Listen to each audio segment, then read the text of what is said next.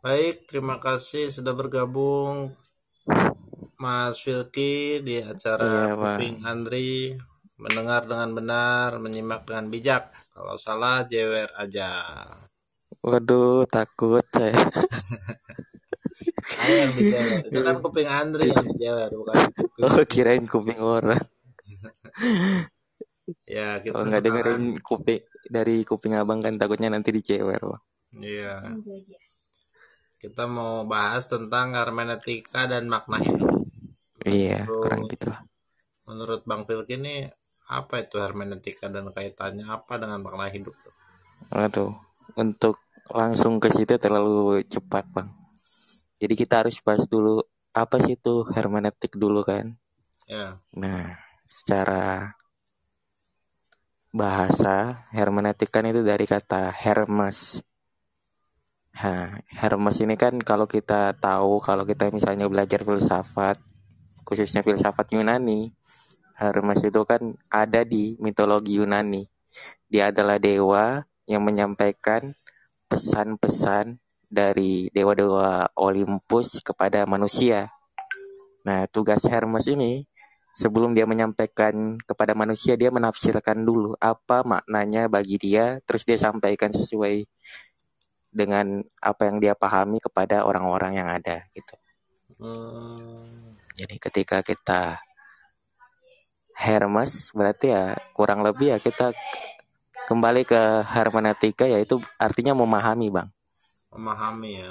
Iya, kurang ke, lebih dekat dengan kata memahami. Jadi Hermes itu dia dewa ya. Iya, dewa.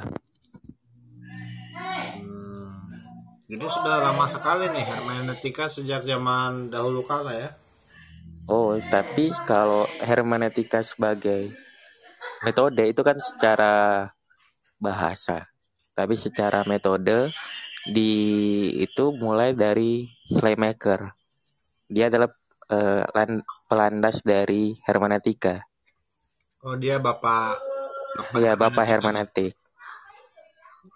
Jadi dia menggunakan hermeneutik untuk memahami teks-teks suci seperti Alkitab khususnya. Ya ku- kurang lebih kayak ilmu tafsir lah kalau di Islam. Oh gitu. Jadi emang awalnya itu untuk membuka pemahaman terhadap kitab suci ya. Iya, Alkitab khususnya. Oh, kitab. Ya, Apakah Schumacher ini seorang pendeta kah? kurang lebih pendeta, cuma dia menggunakan suatu pendekatan yaitu ya pertama ya kita harus memahami teks-teks suci itu secara objektif menurut dia. Bagaimana kita bisa objektif memahami teks-teks suci? Kita harus tahu siapa yang menuliskan teks suci itu. Ataupun siapa yang menjadi landasan siapa yang mengucapkan kalau ya kita misalnya Nabi Muhammad. Nah, kita harus tahu sejarah hidup Nabi Muhammad, secara kehidupan sosialnya bagaimana untuk memahami isi dari kitab suci misalnya Al-Qur'an. Kalau di Islam, kalau di Kristen ya kita harus memahami Yesus Kristus. Dengan apa? Dengan cara kita berempati kepada Yesus Kristus, berempati kepada Nabi Muhammad. Apa maksudnya empati? Kita kan sering mendengar kata empati kan, Bang? Ya. Maksudnya kamu harus berempati, artinya merasakan ataupun memahami apa yang orang lain rasakan. Bagaimana kita sampai pada titik itu ya, memahami semua itu ya, kita harus mengenal dia lebih jauh orang itu. Mengenai mengenal sejarah hidupnya, kondisi hidupnya bagaimana. Kurang lebih kayak gitulah. Oke. Nah, kemudian Terus? akhirnya hermeneutika ini dikembangkan oleh para akademisi-akademisi setelah Schleiermacher menjadi bagaimana cara kita memahami teks pada umumnya. Setelah Oh, kita memahami kitab bukan hanya Iya, kitab pada- suci saja ya. Iya, tapi sekarang dikembalikan kepada teks-teks pada umumnya. Misalnya kita baca novel tentang misalnya eh, Laskar Pelangi. Kita juga harus memahami siapa penulisnya, terus bagaimana latar belakangnya. Untuk sampai pada pemahaman asli dari teks misalnya Laskar Pelangi. Apa yang dipahami penulis dalam menuliskan novelnya? Hmm. sama kita ketika kita mau belajar filsafat lah. Misalnya kita pasti adalah eh, biografi penulis. Ya. kenapa itu penting ya? Supaya kita paham isi pokok pikirannya. Gitu. Hmm. Kurang lebih sudah mempengaruhi misalnya eh, dunia akademisi sejauh itu bang Tapi hermeneutik itu. hermeneutika ini apakah hanya pada teks saja atau juga pada ujaran kayak obrolan eh, lisan itu pakai hermeneutika juga nggak? Oh, itu jauh lebih dalam lagi. Sebenarnya di hermeneutika mirip kayak filsafat, ada perdebatan. Nah, salah satunya kayak Derrida, Jacques Derrida, salah satu filosof kontemporer. Mungkin abang udah nggak apa, udah familiar lah dengan nama beliau. Iya dari Nah, Derrida ini menggunakan teori dekonstruksi. Jadi dekonstruksi ini tugasnya ya bukan cuma memahami eh, teks-teks saja, tapi eh, ujaran-ujaran, isi pikiran, bahkan kejadian, fenomena, fenomenologi salah satunya. Oh jadi bukan hanya teks ya? Iya, kayak Martin Heidegger. Dan dasarnya sebenarnya menggunakan metode-metode hermeneutik dalam merespon hermeneutik. Misalnya fenomenologi, eksistensialisnya Heidegger itu di awal itu. Bagaimana kita memahami itu bukan hanya teks, tapi bagaimana cara kita bereksistensi. Itu karena menurut Heidegger manusia adalah makhluk yang eh, menafsirkan eksistensinya. Jadi ketika kita telah menjadi manusia, kita sudah memiliki yang namanya pemahaman atau pra pemahaman. Pra pemahaman ya, Ya, pemaham, artinya kemampuan ya? memahami kita itu ketika kita sudah bereksistensi, kemampuan memahami itu sudah ada. Ketika kita dilahirkan di dunia ini, kita sudah memiliki bekal yang disebut ya kemampuan memahami. Jadi nggak bisa dilepaskan antara manusia dan memahami, Itu melekat ya. melekat. Jadi ya nanti ya ujung-ujungnya kembali kepada apa yang disebut yang tadi itu makna hidup. Cara kita bereksistensi. Ketika kita membaca misalnya kitab suci, membaca novel atau apa pasti kita mencari pelajaran apa yang bisa saya ambil untuk hidup saya. Gitu. Pasti manusia itu e, memiliki kemampuan itu. Makanya ya pesan-pesan dari kitab suci ya yang terpenting adalah bagaimana mengambil ibro hikmah di dalam kitab suci itu ataupun teks-teks tertentu ataupun ujaran-ujaran dari seseorang. Itu ada banyak aliran mungkin ya dalam metodologi menafsirkan atau memahami itu. Ya kurang lebih banyak karena ya banyak perbedaan-perbedaan pandangan.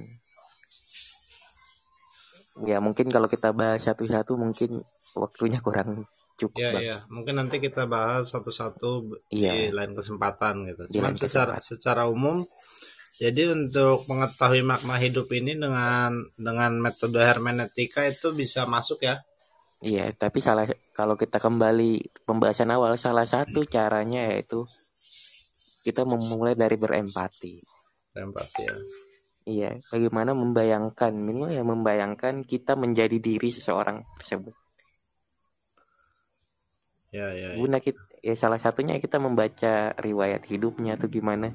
Nah, untuk sampai pada pemahaman yang objektif tentang itu. Apa tujuan untuk memahami pemahaman yang objektif itu ya kembali lagi kepada diri. Pelajaran-pelajaran apa yang saya bisa ambil dari misalnya sosok Nabi Muhammad ataupun sosok eh, Kartini atau siapa. Nah, tapi Dari- kalau terkait makna hidup ini kan makna hidup bagi diri kita. Kalau kita Hmm. menafsirkan kata-kata orang lain itu kan makna hidup bagi orang yang kita baca gitu. Kalau bagi diri Iya. kita berarti yang kita baca diri kita sendiri ya. Bukan, kan diri kan tadi kita kalau kembali kepada teorinya. Wah, suaranya mendem. ya kalau kita kembali kepada teori Heidegger karena eh, eh, pemahaman tidak bisa dilepaskan dari diri manusia Hmm.